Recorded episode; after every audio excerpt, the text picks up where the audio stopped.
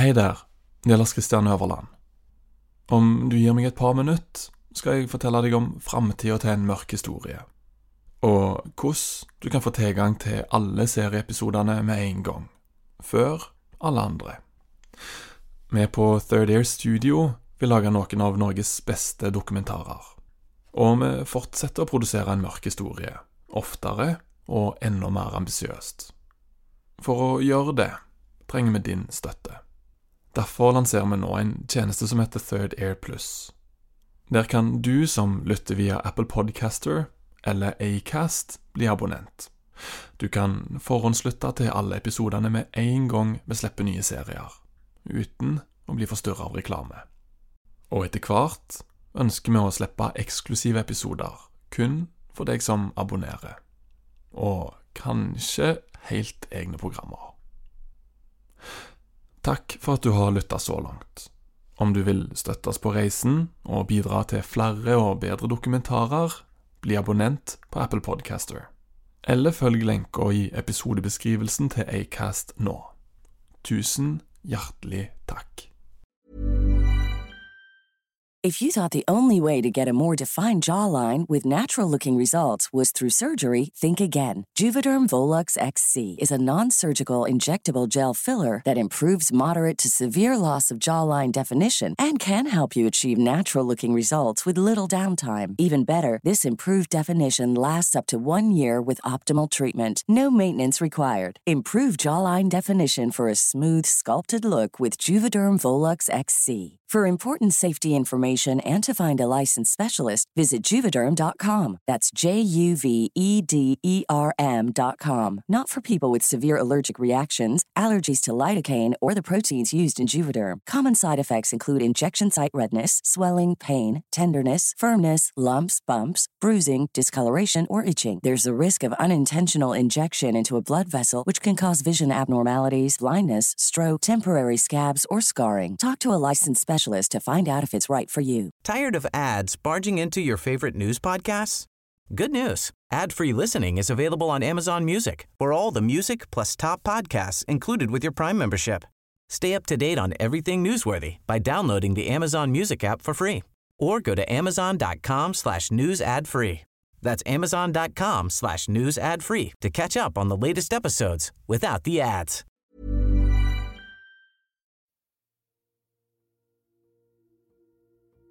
Og da har jeg uttalt at eh, jeg skal ta denne jævelen koste hva det koste vil. Jeg kunne sette meg inn i det sjøl. Jeg er mor sjøl. Og det er jo alle foreldres verste mareritt. Dattera di skal bare ta en liten badetur, og så blir hun drept. Eh, Det var akkurat som ingen barn var ute. Var de først ute, så var det en voksen to-tre meter unna. Det bemerka Anne den dagen vi var og så på kapellet, at eh, neglene hennes, som var lange og hvite, eh, de var klippet av. Så Først blir neglene rensket, og så blir en og en negl klippet av. Lagt og forsegla i hver sin lynlåspose. Eh, Og så blir det fryst ned og lagra.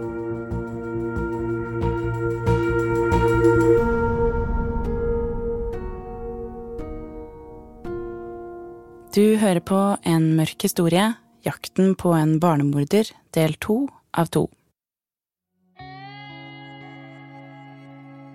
Roar Juel Johannessen har mistet datteren sin. Ved kisten til Kristin lover han at han skal ta gjerningsmannen. Hvor langt er en far villig til å gå for å holde løftet sitt?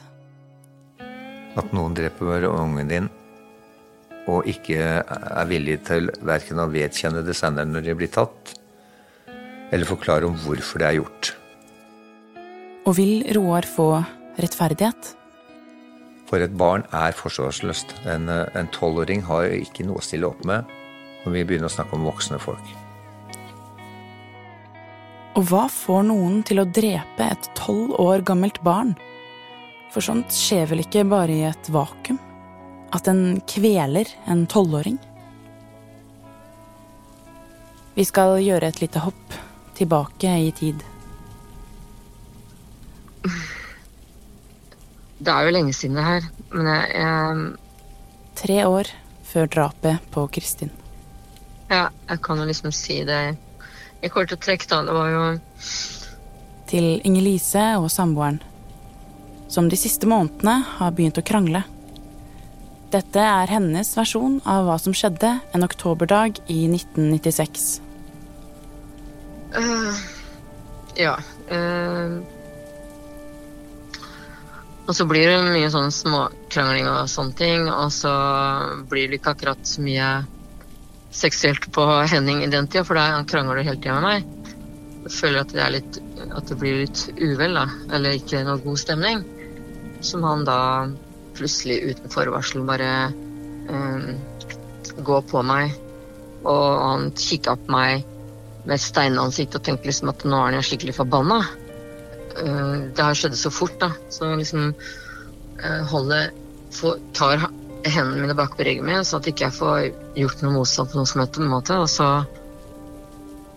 eh, Og bare fortsatte som en sånn liten eh, neshorn. Bulldoser, eller hva du Et eller annet. Sånn som skulle ha vilja si.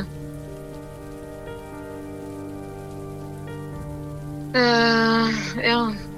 Tar av meg klærne og fullfører det han eh, ønsker, da. Og har jo veldig vondt i armene. uh, og Følelsesmessig så blir jeg veldig eh, Går veldig detter ja, litt i kjelleren. Eh, etter det her jeg hadde aldri trodd liksom at han hadde kunnet gjort det der. Men jeg er jo psykisk knekt, da. Han kommer jo hele tida med pizza og har dårlig samvittighet og Etter en stund flytter den tidligere samboeren ut. Han slutter å komme med pizza, og kontakten dem imellom ebber også ut. Men så Og så hører jeg ikke noe mer fra han. Så går det et år, så eh, Da ringte han og sa bare plutselig at eh, det har klikka for meg, Ingrid, han til meg eh, Så sier han til meg at hvis jeg spør om å bli sammen med deg igjen, så sier du bare nei. Så hadde jeg bare hørt på den setningen han sa. Hva mann er det vi snakker om her? Hva type er dette?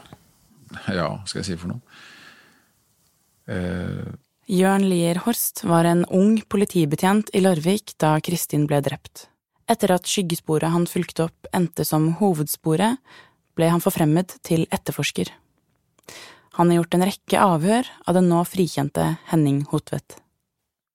jeg opplever jo han fra starten av som en, en, en, en bitter eller tverr mann som på mange måter lever litt på sida av samfunnet, som ikke har blitt Som ikke har fått til noe.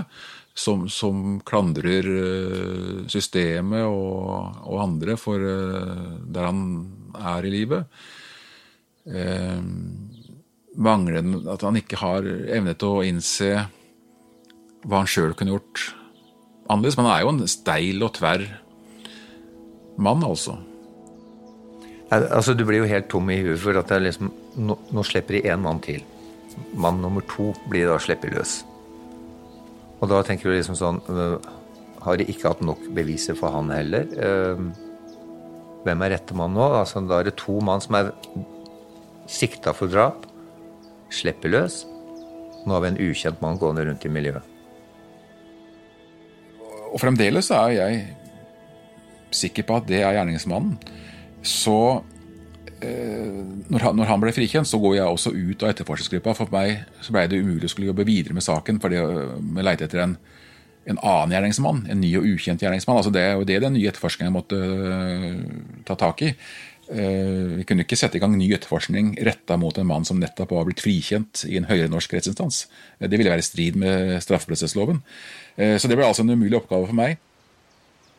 I, sånn som jeg, min kontakt med politiet, så var det jo Jeg skjønte jo det på flere at det, de var helt uh, overbevist om at det var Henning Hotvedt. Krimjournalist Elisabeth Løsnes er en av de som kjenner Kristin-saken best. Men at han var uh, untouchable fordi han var frikjent. Og man kunne ikke på en måte gå på han eller etterforske han eller pushe mer der fordi han var frikjent. Og man kan jo ikke Man trengte jo noe nytt, ikke sant. Man trengte noe nytt for å gå, gå, gå etter han igjen. Og det hadde man ikke. Ettertid så har jo liksom dette, dette At bevisene ikke holdt til en uh, ankebehandling, er jo det som har plaga meg og flere andre etterforskere. Eh, noe av det politiet feila på, var jo eh, Altså, den klarte jo å kartlegge bevegelsen hans inn mot åstedet, men aldri eh, ut derfra. Roar og familien har ikke bare mistet datteren sin. De har blitt trakassert av pressen, og nå har rettsvesenet frikjent den sikta gjerningsmannen fordi DNA-beviset har falt bort. Men Roar kan ikke forsone seg med at drapsmannen ikke er tatt. Det er da kona til Roar, Anne, kommer med et forslag. Hun hjemme, Anne, begynner liksom å si at nå har du snart gått på alle vegger i huset. Nå må du begynne å prøve å høre om du kan få ut dokumentene. Og så får du heller se på det. Se om du finner noen løse tråder. Så blei det jo til slutt at vi da søkte om å få ut dokumentene. Når Roar satte i gang med sin egen etterforskning, så leste jeg en bok hvor det sto en setning, et eller annet, om at der, der hvor systemet svikter, så reiser en rettskaffende mann seg. Og det syns jeg passa veldig godt uh, på Roar. Så vi begynte jo med det i ja, Det var på høsten 2002. Det han gjør, er å ta på seg sjøl en voldsom byrde, en voldsom eh, belastning og påkjenning, som jo varer i veldig mange år. Dagen etter at Kristin blir drept, låser Roar Kristin sitt rom. På innsiden er rommet intakt. Når han får tak i etterforskningsdokumentene, flytter han en pult inn på rommet og begynner å jobbe. Mm, det er jo mange som har spurt om det der. Åssen orka du å sitte der og jobbe med det? Men det er egentlig ikke så vanskelig hvis en tenker seg om, for det er egentlig bare å heve blikket fra permene, se deg rundt, se hva som er på veggene. Så får du en følelse av hvor du er hen, og hvorfor du sitter der. Og da har du nye giv med en gang. Ja, det er jo et løfte han har gitt, da. Det er jo en forpliktelse han har tatt på seg. Og det er jo massivt, altså. Eh, det er jo det er jo som å bevege seg rundt i en uh, labyrint hvor uh, man ikke engang vet om det er noen uh, utgang eller slutt på dette her. så det må jo være en mørk og tung tid i hele i livet hans. Og det var vel det som også gjorde etter hvert at når man begynte med dokumentene, så var vel det kanskje en terapi å drive med på den måten. Vi begynte med utgangspunktet rundt en ni-ti permer. Som var fullstappa med vitner, obduksjonsrapporter, åstedsgranskinger, eh, egne rapporter fra Kripos og alt mulig sånt. Og det nærma seg årsdagen for drapet at jeg eh, ringte til Roar. Om ikke annet så for å si at at, ja, at vi tenkte på de, da. Og det blei jo egentlig innledninga på iallfall jeg ser på som et vennskap. Vi kjente jo ikke Jørn før denne saken her begynte. Uh, vi en, fikk et veldig bra forhold etter hvert. Ja, veldig god hjelp. Han uh, begynte jo da å ringe på 5. august. Lurte på åssen det sto til med oss. År etter år. Eh, så fikk vi høre av dommer at han hadde jo fått kritikk fordi at han som politimann hadde ringt og lurt på åssen det sto til med oss. For det likte ikke politiinspektøren. At man skulle ta det personlig innover seg. For dette var en jobb. Så vi fikk et veldig godt forhold til Jørn og har den dag i dag, over 20 år etter. Uh, tok ikke alle opplysninger for god fisk.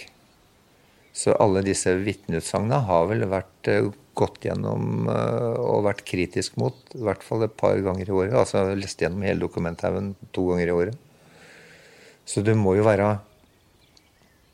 være sånn skeptisk og ta alt med klype salt og tenke sånn Dette her er jeg nødt til å sjekke, dette er jeg nødt til å sjekke. Roar nøyer seg ikke bare med å lese. Han prater med vitner på nytt, leter gjennom åstedet og sjekker alt som står i etterforskningen, på nytt og på nytt og på nytt. Og alle opplysninger som er i sakens eh, dokumenter, har jeg nok undersøkt en eh, seks, åtte, ti ganger. For i det hele tatt å godkjenne utsagnet til et vitne. Så det er dette her å være litt strukturert. Det var jeg ikke til å begynne med, men det lærte Jørn meg. Eh, da ordner ting seg. Så jeg har sittet i mørke kjellere med bankraner, heroinslaver. Jeg har stått i mange mørke smug og snakka med folk. Ehm, så jeg har vanka på en del sånne steder, og fikk jo også kritikk fra en politietterforsker for at jeg var og vanka i farlige miljøer. Men er det et sted som det var trygt å gå i den perioden, så var det egentlig de farlige miljøene som politiet stadig, stadig var. For de visste hvorfor jeg var der. Og da nevner de Henning Hotvedt? Ja. Det var spesielt én gjeng som da nevner Henning Hotvedt. At denne fantomtegningen den gangen var jo han. Det er vi ikke i tvil om. Og de kjente den på andre måter. Tenk at du setter en passer da, eh, på den personen, så slår du en sirkel rundt, og så må du kartlegge alt hans bevegelser og omgangskrets og hvem som kan ha noe noe å fortelle. Og Sånne forbrytelser som dette her, det, jo, det, skjer jo ikke i et vakuum. Det er noe som har skjedd før, og noe som har skjedd etterpå. Og når det gjaldt denne mannen, så i forkant av drapet så hadde jo han reist på en slags reunions Eller altså Han hadde fått med seg en ekssamboer som han har to barn med, og fått med seg hun og barna på en skogtur, og det endte egentlig dårlig. Det endte så dårlig at uh, hun ekssamboeren fortalte i avhør at hun blir redd? Dersom en skal sette en passer på en person og slå en sirkel rundt, så er spørsmålet hvor stor sirkel skal en tegne opp? Ekssamboeren som i avhør har forklart at hun ble skremt bare to dager før drapet, er Inger-Lise, hun som fortalte om overgrep tre år før drapet på Kristin. To dager før Kristin ble drept, går hun med på å ta en tur til Farrisvannet sammen med Hotvedt og barna. Det er en stund siden de har sett hverandre, men hun merker at noe er annerledes. Hun sitter i bilen, og i bakgrunnen kan du etter hvert høre Inger-Lises vakthunder. Dette er hennes versjon av historien. Og da ser jeg liksom en helt annen eh, Henning enn det jeg er vant med å se. Liksom. Det er måten å være på, nervøs og når vi putrer utover. Stemningen på turen blir fort anspent. Jeg spør liksom hvor langt ut skal vi egentlig, da? Holder ikke med å bare gå inn, inn til sida her, liksom? Det er bra nok stedet. Nei, han skulle lenger ut, da. Så la vi inn til et sted med en strand og et sted som ikke gikk an å komme noen steder uten båt. Og så begynte Henning å uh, Ja, det var som å slippe en femmer, så det var ustoppelig prating hvor udugelig jeg var. Jeg følte stemningen ikke var grei i det hele tatt. Og uh, uten å tenke meg om, ikke sant, så hadde jeg liksom lagt en kniv i sanda. Hun gir kniven tilbake til ham. Kristin sin badedrakt var kuttet opp over skrittet. Og det er nettopp denne kniven som forsvinner etter de første avhørene Jørn Lierhorst gjør med Hotvedt. Og, og, det var jo ikke lenge etterpå liksom som Eh, jeg sa at, eh, at vi vil jo gjerne hjem nå, da. Fordi nå skal jo de ungene sove, og det passer veldig greit å dra nå som det er lyst. Og da skjønte jeg liksom at når han begynner å nekte oss å dra hjem, på den måten han gjorde med en stokk på skuldra Han var jo truende i måten å være på hele tida. Du skal vekk, men barna skal være her, sa han til meg. Det sa han flere ganger. Han har jo alltid sagt at jeg har ødelagt livet hans. da. Og med bidrag og alt, liksom, og ikke penger igjen. Og, og han har sagt mange ganger at du skal vekk. Men jeg har vel ikke tenkt kanskje så langt eh, før det her skjedde, da. Inger-Lise forteller at hun fortsatt ikke får dra hjem. Det er da hun begynner å tenke på hvordan hun skal komme seg bort. Og og minste gråte, for det ble jo en ikke bra stemning. Og jeg hylskreik, og jeg pleier aldri å hylskrike. Jeg følte at min siste time liksom snart kom. Så om man tar meg når jeg drar, eller om man finner på noe etterpå, da tenkte jeg da kan jeg liksom prøve å rømme derfra. Etter en stund legger Inger-Lise seg i teltet sammen med døtrene, men hun får ikke sove. Ifølge henne sier Hotvedt at han har tatt rottegift. Selv tenker hun at han kanskje har tatt noen sovepiller. Hun setter en lås på glidelåsen på innsida av teltet. Eh, så gikk det jo lang stund, det må ha vært flere timer, tror jeg. Og så plutselig så er det en som smokulerer rundt og rundt og rundt teltet. Jeg tenkte fy faen, også nå har min siste tingen kommet. Inger-Lise forteller at han slutter å sirkle rundt teltet og bøyer seg ned ved inngangen. Og da var det ikke spørsmål liksom er du våken? Nei, da var det jo rett på låsen, da. Og så reagerte han jo på at Antagelig da på at den var låst på innsida. Og som jeg sa tidligere så kunne jo bare ha tatt kniven og skåret opp teltet. Men det kanskje stoppa han litt, da, at jeg gjorde det her. Med den låsen på innsida. Hotvedt går og legger seg igjen. Inger-Lise ligger helt stille inne i teltet og venter. Etter at det har vært stille en stund, vender hun seg til Barda. Vil dere hjem, hvisker jeg til de, og så at begge to nikker. Og alle tre går stille ned til båten. Så sa jeg liksom hysj med fingeren, da. Og så fortalte at alt hva de skulle gjøre i båten, ligger Ryan Reynolds here from Mint Mobile. With the price of just about everything going up during inflation, we thought we'd bring our prices down. So to help us, we brought in a reverse auctioneer, which is apparently a thing.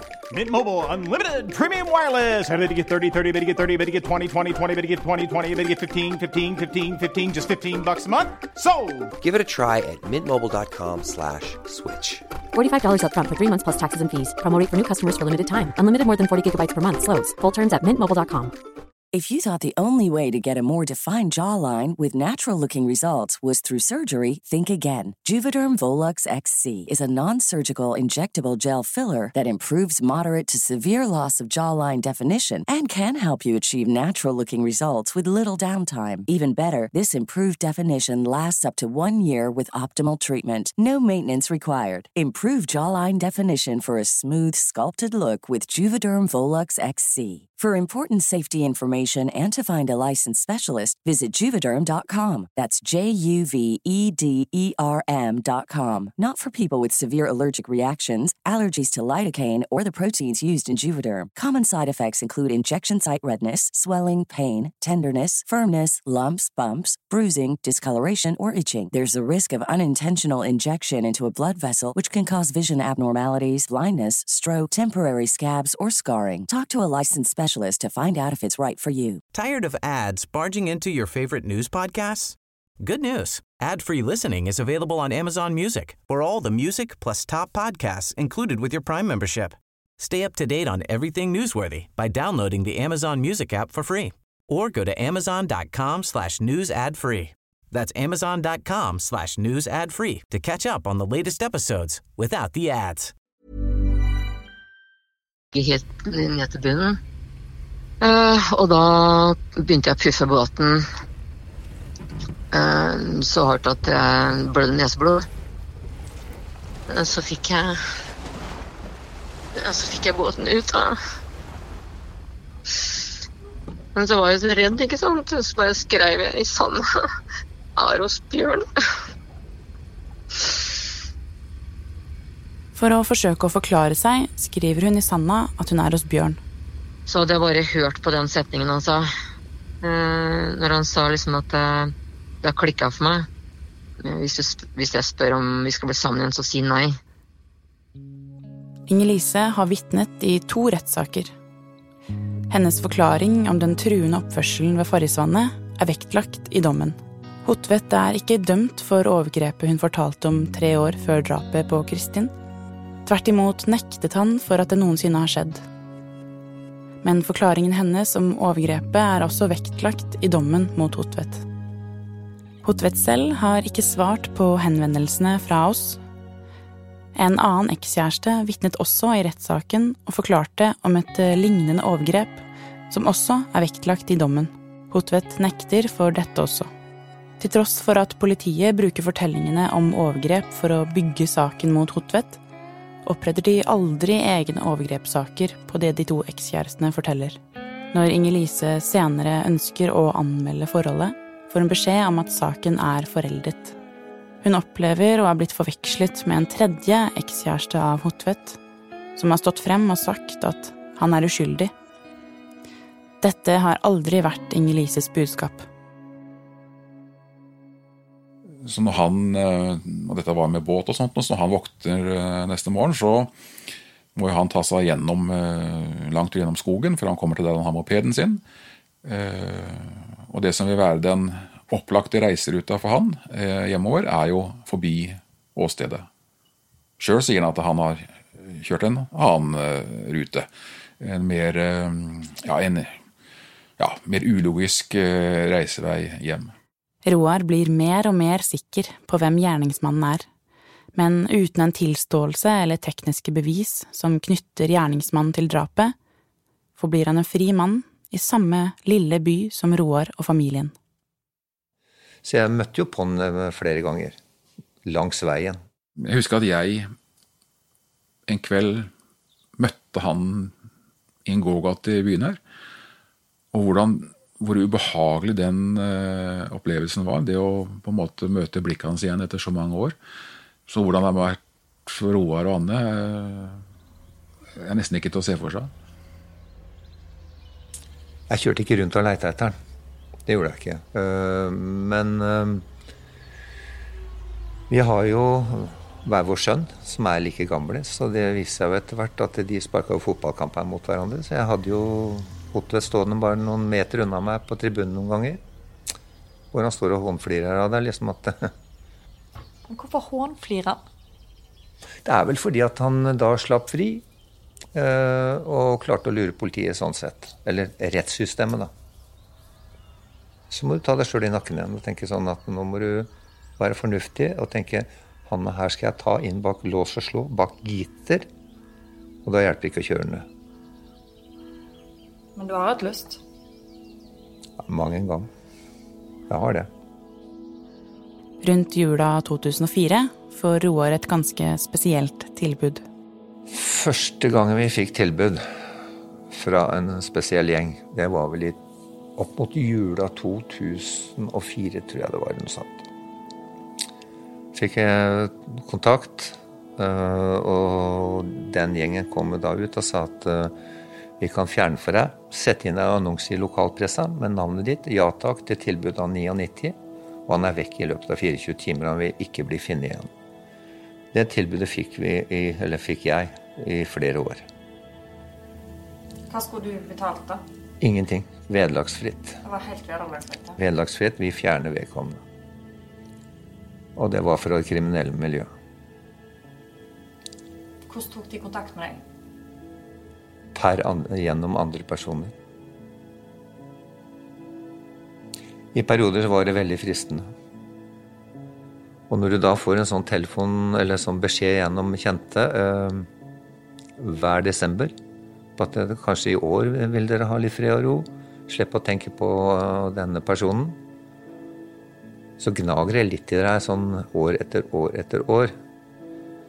Men uh, det som gjorde at den aldri tok det tilbudet, var at uh, da du sitter igjen med bare en haug med spørsmål, ingen svar, ingen forklaring på hvorfor en egentlig person, en voksen person, fjerner altså en tolvåring fra livet. I stedet for å sette inn en annonse med ja takk til tilbud av 99, som var koden til det kriminelle miljøet fra utlandet, jobber Roar videre med etterforskningen fra rommet til Kristin. Når er du helt sikker hvor er du helt sikker på Hotvedt? Altså, kan du si bare hva- som var knagga helt tydelig bevis for deg? Eh, Det som var litt knaggen for å kunne si at dette her er den rette personen, var jo et møte vi hadde med Riksadvokatembetet. Det vi hadde funnet ut, det vi hadde fått bekrefta med vitneutsagner det, var- det var en sammensatt ting.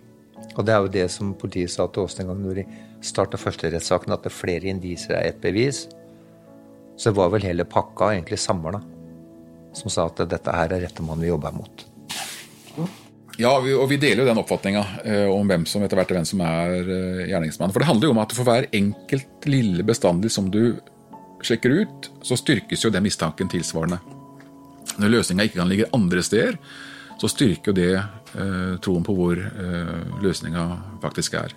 Så det er, jo, det er jo sånn med alle saker at på, selv om du jobber bredt, så smalner etter hvert dette her inn til og blir til en enspora etterforskning. Men du mangla noe? Mangla én ting, og det var det siste liksom, brikken i puslespillet som har med å kunne ta den. Og det var én teknisk ting. Og det var liksom Da må du ha enten en tilståelse, eller så må du ha et 100% sikkert teknisk bevis. Hva ville skjedd hvis ikke du hadde tatt tak i saken?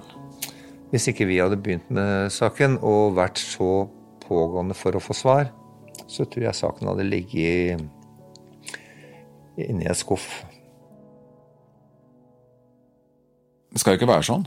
Eh, det er jo politiet som skal finne disse svarene. Så den kritikken som har kommet mot politiet, er jo langt på vei berettiga.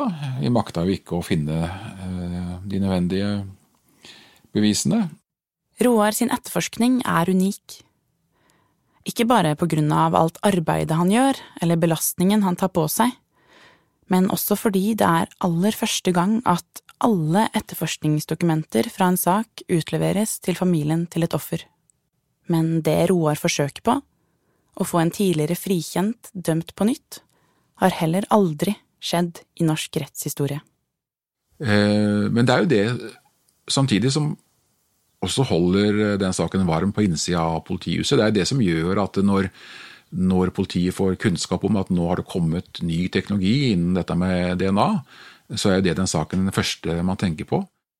I 2013 blir en ny type DNA-testing tilgjengelig for politiet.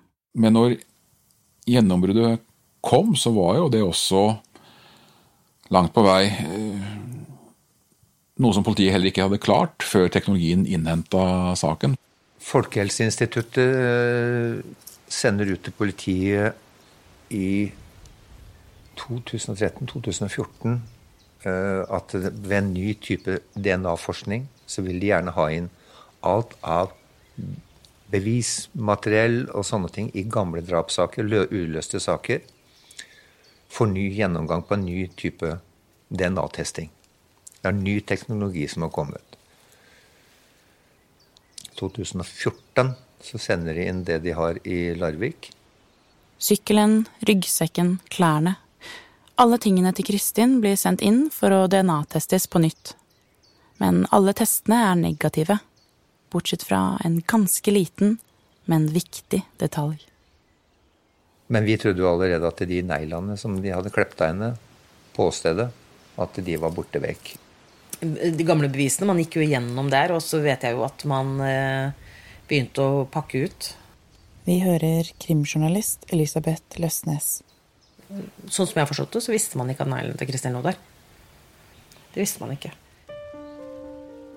Under neglene til Kristin finner de litt DNA fra en annen person. Men hvem sitt DNA er det? Hårstrået fra åstedet har blitt analysert i fillebiter og er for utslitt til å matches med funnet fra neglene til Kristin. Men så kontaktes politiet av tollvesenet. I forbindelse med det her så plutselig fikk jo politiet da en henvendelse fra tollvesenet. Eh, hvor man hadde funnet eh, Eller det hadde kommet en forsendelse til Henning Hotvedt. Som tollvesenet reagerte på. Det var jo en gavepakke. Fordi eh, da mente man at dette slankemiddelet som Henning Hotvedt hadde kjøpt for 100 kroner på nettet eh, mm, fastslo, Man fastslo det ikke, bare, men de, men, de, reiste tvil om dette, så dette måtte undersøkes. Og da var det jo uh, i den her lille tollsaken Så var det jo da hjem til Henning Hotvedt. Ransaking der. Og etter hvert så samtykka, samtykka Hotvedt til en frivillig DNA-prøve. Og da hadde man jo da hadde man jo DNA til Henning Hotvedt. Han ante jo ikke noe om uh, det her, eh, neglen og alt dette her. DNA-testen av Hotvedt som tas i forbindelse med innføring av slankemiddelet, gir match. Kristin har klort gjerningsmannen 5. august 1999. Altså, dette var en sein uh, julikveld i 2015 eh, så ringte telefon. Eh, Seinere enn det som er normalt å ringe til folk. Eh, men jeg svarte, og da var det Roar. Og han ringte for å fortelle at han eh, nesten akkurat hadde avslutta en samtale med politistasjonssjefen, som hadde orientert om at de hadde gått til eh, ny pågripelse på bakgrunn av nye DNA-bevis. At de neste morgen ville gå ut uh, i en pressekonferanse og fortelle at den mannen som gikk fri i 2001, nå var arrestert på nytt. Og det var en sånn det, det, Å få den beskjeden var nesten som om noe fysisk letta fra skuldrene. Og så husker jeg at jeg at jeg ble rørt. Jeg husker ja, det, Jeg merker at det blir nå. det var ikke meninga. um, hva, som, hva som gjør det? Det er vanskelig å si som hva slags nerve som gjorde det. Jeg tror det er mer en sum av alt, altså. En slags utmattelse eller Det er vanskelig å sette ord på det. Påtalemyndighetene kjører en nesten identisk sak i retten. Men denne gangen er den ytterligere styrket av etterforskningen til Roar. Indisier, vitneobservasjoner, ekskjærester som forteller om overgrep, og denne gangen med et klart og tydelig DNA-bevis som knytter Hotvedt til drapet. Dommen fremhever drap ved kvelning som skjerpende omstendighet. Sitat I en slik situasjon er minuttene lange. For offeret, men også for gjerningsmannen. Hotvedt fortsatte å holde trykket enda et par minutter etter at hun hadde mistet bevisstheten. At det tar tid før døden inntrer, skjerper alvoret i handlingen betydelig. Sitat slutt. Hotvedt dømmes til tolv år for å ha drept Kristin Juel Johannessen. Da lå egentlig beviset fryse ned i alle disse åra. Godt bevart. Det er eh, litt som eh, Anne sa etter at han var tatt, at eh, da løste hun det sjøl. Da hadde hun DNA under fingrene, eller neglene, det som vi trengte for å løse saken. Det er jo litt i det, da. Han nekter fortsatt for å ha noe med drapet å gjøre. Spørsmålene om hva som utløste drapet, og hvorfor akkurat Kristin, står fortsatt ubesvart. Du vet at Den enkleste utveien for en som får sånne anklager mot seg, det er jo eh, løgnen. Altså Det å innrømme skyld er jo, det er jo fallitt, ikke sant? Eh, og jo oftere du gjentar den løgnen, Eh, jo tyngre er det jo å skulle snu og gå til innrømmelser. Og Etter hvert så får du jo støttespillere, familiemedlemmer som har trodd på det, andre utenfor som taler din sak. Eh, og på et tidspunkt så blir jo det nærmest umulig å skulle gå til en innrømmelse av noe du har eh, nekta for i, i så lang tid. Så når ikke tilståelsen, erkjennelsen, kommer i starten, eh, så er det sjelden vi får den. Mm. Det er jo en annen ting, en annen side ved den saken her som har eh, prega meg, og det jo, er jo hvor nære vi var å begå et justismord. Hvor sikre politiet strengt tatt var på at jeg hadde arrestert rett mann, og hvor klare man var til å skulle gå i retten med en som var uskyldig, altså. Ja, jeg har fått lønn for strevet. Det var en bak gitter. Det var lønn for strevet. Og det at den har fått i hvert fall litt anerkjennelse fra både statsadvokatene som hadde saken, og rettsinstansen. For de spurte spesielt eh, dommerne òg i rettssaken nå sist om har du fått noe anerkjennelse fra politiet for alt det du har drevet med. Nei, sa jeg, men det forventer jeg ikke. Men anerkjennelsen er her, så. her vi er nå. På at vi har fått avslutta rettssaken. Ville du gjort det om igjen? Hvis du hadde visst? For min egen datter, ja. Eller min egen familie, ja, så hadde jeg gjort det. Men uh, det har tatt noen hundrevis eller tusenvis av timer. Da kan du tenke seg altså dette skjer i 99. Første ferien egentlig familien hjemme fikk, det var i 2017. Eh, så det husker vi jo nesten ikke åssen det er å ha. Men eh, Så da kjørte vi jo like godt av Europa rundt da når vi først var i gang. Dette har kosta mye. Ikke bare penger, men altså det har kosta helsemessig eh, Det har ikke hatt tid til å være med på noen ting, for det er kun én ting som har stått i fokus. For det er noe familiedrepende ting, bokstavelig talt. For det ødelegger hele familien hvis ikke du er veldig forsiktig. Men Nei, jeg tror ikke du kan sette deg inn i det uten at du sjøl har opplevd det. Ja, du får jo en ro på en måte, for altså nå er tinga vekk. Det er avgjort. Det kan ikke gjøres noe mer med. Og jeg skal definitivt ikke begynne å rote i dokumenter igjen. Er du stolt over den jobben du har gjort? Nei, det er eh, en ting vi bare har gjort. Og gjennomført. Og så kom vi i mål. Det er det jeg er fornøyd med. Det at vi kom i mål til slutt. Og da kan vi legge det litt bak oss. Hun satt med svaret sjøl på dette her, men teknologien måtte komme før vi kunne gjøre noe med det.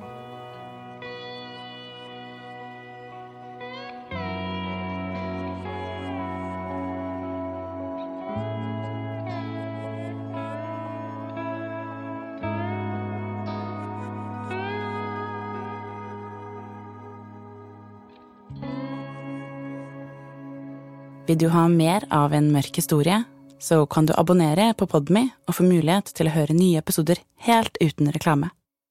Støtt arbeidet vårt og gå inn på podme.com og bli abonnent. Du har nå hørt En mørk historie, Jakten på en barnemorder, del to av to. En mørk historie er et program fra Just Stories. Jakten på en barnemorder ble produsert av Lars Christian Øverland og Marte Rommetveit ved Munch Studios og innlest av meg, Ingrid Waaler.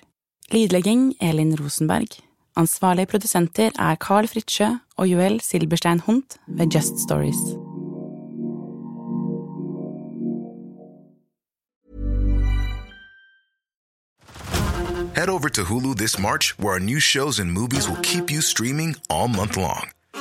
Catch the award winning movie Poor Things, starring Emma Stone, Mark Ruffalo, and Willem Dafoe. Check out the new documentary, Freaknik The Wildest Party Never Told, about the iconic Atlanta Street Party. And don't miss FX's Shogun, a reimagining of the epic tale starring Anna Sawai. So, what are you waiting for? Go stream something new on Hulu. Tired of ads barging into your favorite news podcasts?